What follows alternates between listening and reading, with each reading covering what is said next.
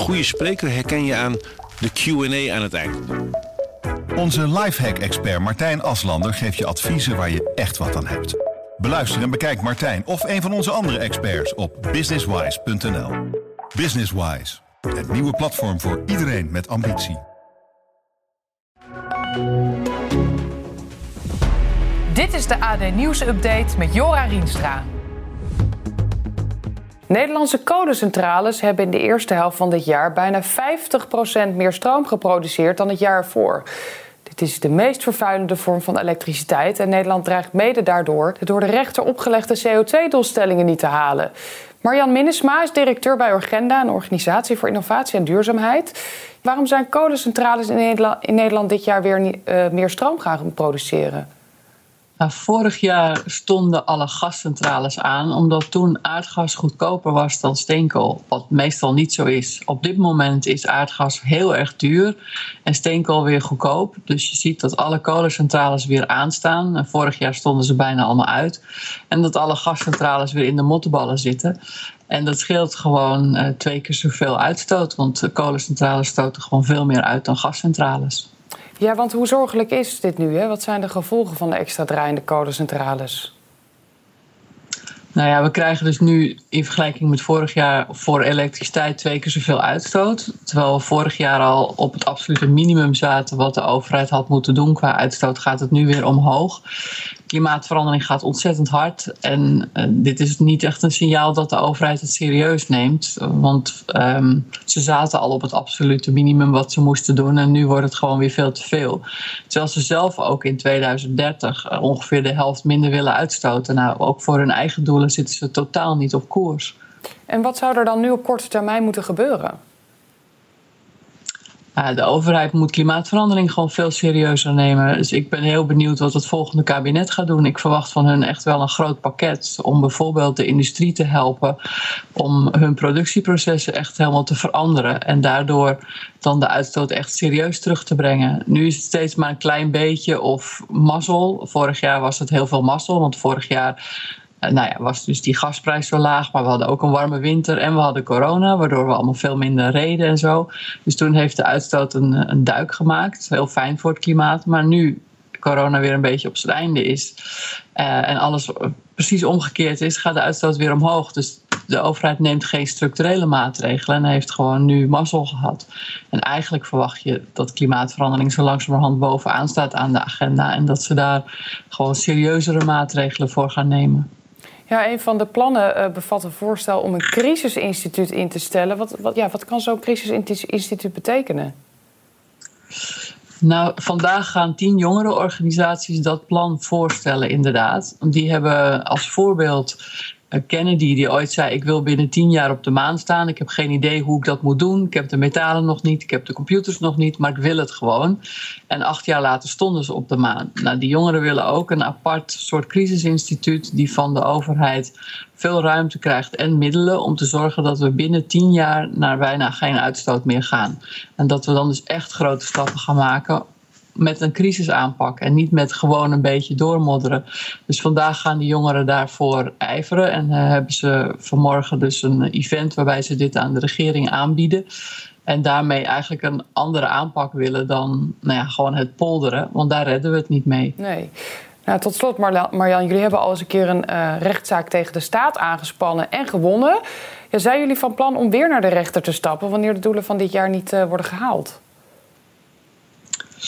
Um, nou, we zitten eigenlijk ook te kijken naar 2030. Want in Frankrijk en in Duitsland zijn er al rechtszaken gewonnen voor 2030. Omdat eigenlijk de overheden daar al hun zogenaamde CO2-budget hebben opgemaakt in 2030. Dan ga je dus ver over de anderhalve graad opwarming heen.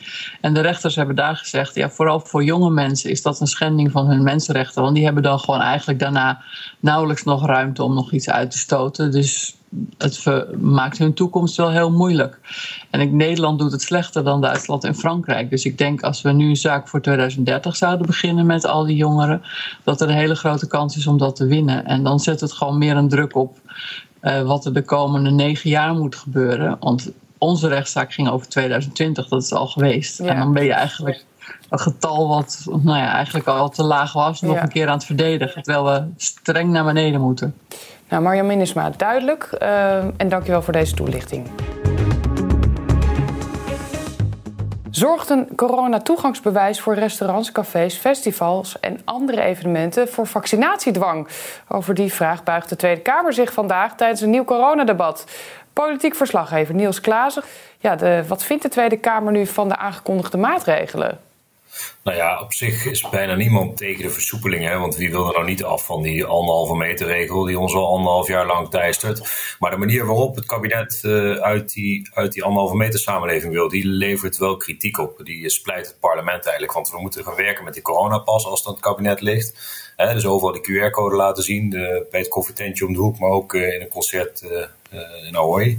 Ja, een deel van de Tweede Kamer vindt dat gewoon een vorm van van uh, drang, een, een, duwtje richting de, de vaccinatiestraat. Want ja, uh, als je bent gevaccineerd is die QR-code natuurlijk veel makkelijker op je telefoon te toveren dan als je elke keer opnieuw een test moet halen. Misschien moet je daar wel voor wachten of uh, kilometers voor reizen. Dus een fix aantal partijen vindt het dus overbodig om overal met die QR-code te werken. Dus daar gaat wel een flinke discussie over gevoerd worden. Ja, kunnen zij een vuist maken hiertegen? Ja, dat is de vraag. Het kan echt wel spannend worden op bepaalde punten. Uh, want je hebt bijvoorbeeld partijen aan de ene kant die gewoon überhaupt tegen het gebruik van die coronapas zijn. Dat is denk ik geen meerderheid, maar dan heb je het over partijen als de PVV, maar ook DENK en de Boer-Burgerbeweging. Die hebben altijd gesteld, je moet niet zo'n pas invoeren. Er liggen zo weinig mensen in het ziekenhuis. waarom zouden we überhaupt nog met zo'n systeem gaan werken? Dat is een minderheid van partijen, maar veel meer partijen, en dan kan het spannend worden, vinden het eigenlijk overbodig dat je straks op die pas moet laten zien, bij wijze van spreken in de sportkantine op zaterdagochtend en op een terras buiten, zeg maar, waar geen uh, weinig coronarisico's zijn. En op dat punt kan het wel weer een, een, spannende stemming worden. Als er een motie komt bijvoorbeeld, kan het best zijn dat dan ja, de scherpe randjes er een beetje afgeveild worden. Hè? Dus dat niet overal die QR-code getoond hoeft te worden. En dan hoeven we het nog niet eens te hebben over het nachtleven. De markante regel om tussen 12 en 6 horeca te verbieden. Nou ja, uh, de, de uitgaanssector op de achterste benen, burgemeesters boos, want hoe moeten wij dit gaan handhaven? Denk je dat dat feestgedrag niet gewoon uh, vroeger op de dag plaatsvindt? Dus er zitten nog wel wat haken en ogen aan uh, de plannen. Ja, je merkt ook in de samenleving hè, dat er veel onrust is wat betreft deze maatregelen. Uh, ja, spelen die ook nog een rol in dit, dit debat? Ja, het is een gevoelig punt. En zeker, kijk, het kabinet stelt steeds er is geen dwang, er is geen drang, want jij kunt in plaats van je vaccinatie, die niet verplicht is, kun je je ook laten testen. Een negatieve test biedt ook toegang. Uh, dat klopt voor het systeem wat zij optuigen, maar ze zetten ook de deur op een kier voor het, uh, wat ik dan maar even noem, het Duitse model. Zeggen dat je alleen straks de nachtclub in kan als je gevaccineerd of genezen bent van corona. Dat is volgens het OMT veiliger namelijk. Een negatieve test biedt nog altijd de kans, een risico dat je toch het virus hebt of draagt of krijgt. Dus als straks die clubs s'nachts uh, wel open gaan bij een volgende stap, dan wil het kabinet best het gesprek voeren of dat niet alleen eerst mogelijk moet zijn voor gevaccineerde en getest, uh, genezen personen. En dus niet de geteste personen. Ja, dan krijg je wel een soort tweedeling, hè, zeggen de kritische partijen. Want dan kun je dus, als je niet gevaccineerd bent en je hebt geen corona gehad, kom je dus de club niet in. Nou, die discussie zal uh, nog neteliger worden dan die over de coronapas. Dus ja, er staat wel een kritisch debat te wachten. Ja, dan nog even over het Afghanistan-debat. Want ja, ministers uh, Sigrid Kaag van Buitenlandse Zaken en Ank Bijleveld van Defensie kregen beide een motie van afkeuring aan de broek. Ja, wat neemt de Kamer hen kwalijk?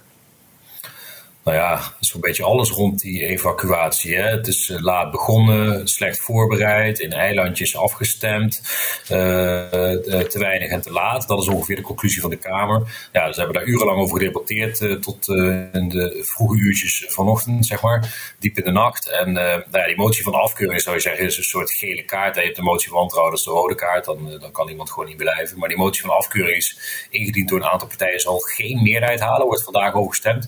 Maar de toon was niet te min fel en kritisch. Uh, we hebben te weinig gedaan en we waren er te laat bij. En, uh, en eigenlijk alle bewindslieden die aan het woord kwamen, kregen, kregen die kritiek van de minister van Defensie Beideveld, Buitenlandse Zaken Kaak, maar ook de missionair premier uh, Mark Rutte.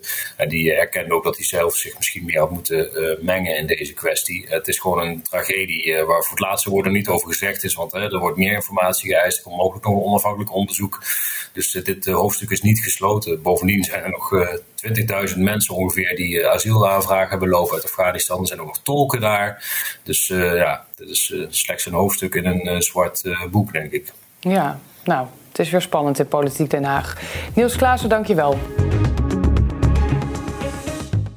Het chronische tekort aan chauffeurs in het Verenigd Koninkrijk zorgt voor steeds meer problemen. In verschillende Britse regio's dreigt de vuilnisophaal stil te komen liggen en hebben melkveehouders noodgedwongen melk moeten dumpen. Correspondent in het Verenigd Koninkrijk, Geert Langendorf. Ja, Geert, waarom zijn er in Engeland geen chauffeurs meer te vinden? Er zijn eigenlijk vier oorzaken van. Uh, de pandemie, uh, de brexit, uh, belastingwijzigingen die chauffeurs minder laten verdienen en een achterstand in, in het afnemen van rijexamens. En, die vier die hebben ervoor gezorgd, voornamelijk dat Oost-Europese vrachtwagenchauffeurs het ambt helemaal vaarwel hebben gezet, of zelfs helemaal het Verenigd Koninkrijk zijn verlaten. Dus nu zitten ze, zitten ze opgeschreven met een, met een verouderd chauffeursbestand, waarvan de gemiddelde leeftijd boven de 55 is. En, en jonge chauffeurs kunnen dus niet eens worden opgeleid, omdat rijexamens niet kunnen worden afgenomen. En welke sectoren hebben momenteel het meest last van de gevolgen hiervan? Uh, nou, om te beginnen dus de agrarische sector. Uh, die vinden het heel erg moeilijk om hun producten op te laten halen. Uh, dus melkboeren, die, die, zelf al, die zelf al aanhaalden, die merken dus soms zelfs ochtends dat, ze een telefoontje krijgen van eh, eh, van de logistieke bedrijven die, eh, die zeg maar op een route hun melk komen ophalen. Ja, sorry, we hebben geen chauffeur meer.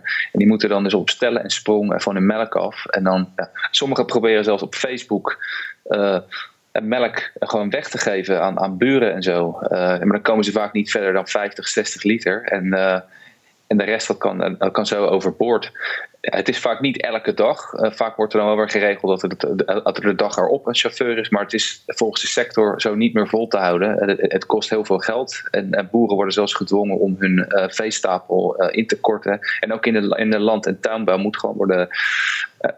er kan minder worden geproduceerd dan eigenlijk dan er vraag is. Dus met name in die sector. En zoals je al aangaf in de, in de vuilnissector. dat de vuilniswagenchauffeurs die verdienen relatief het laagst. Dus die worden soms zelfs tijdens hun werk, tijdens hun rondes, krijgen ze telefoontjes van, van grote bedrijven. Zo moet je denken aan bijvoorbeeld Amazon of, uh, of grote supermarkten. Die opbellen met de vraag van als jullie voor ons komen werken, uh, dan, krijg je, dan krijg je minimaal een salarisverhoging uh, van 10% en je krijgt een tekenbonus. Dus er is echt een vrachtwagenchauffeur ook oorlog aan de gang. Wat een bizarre situatie. Wat zou er dan nu moeten gebeuren om weer meer chauffeurs aan het rijden te krijgen? De sector, uh, eigenlijk alle sectoren die zeggen, uh, eigenlijk is er maar één oplossing en dat is uh, ervoor zorgen dat Europese chauffeurs versneld in aanmerking kunnen komen voor een visum om in ieder geval de komende maanden het gat op te vullen. Nou, daar wil de regering helemaal niks van weten. na de brexit is het plan, is het regeringsbeleid om voornamelijk Britten weer aan banen te helpen. En, die zouden dus het gat moeten opvullen. Maar dat lijkt zeker op de korte termijn onmogelijk, eh, gezien al de achterstand van de rijexamens en ook nu nog uh, de vertragingen daarin. Dus de druk op de regering zal zeker rond de kerstdagen groter en groter worden als de, als de vraag naar, naar producten groter wordt. Geert Langendorf vanuit Londen, dankjewel.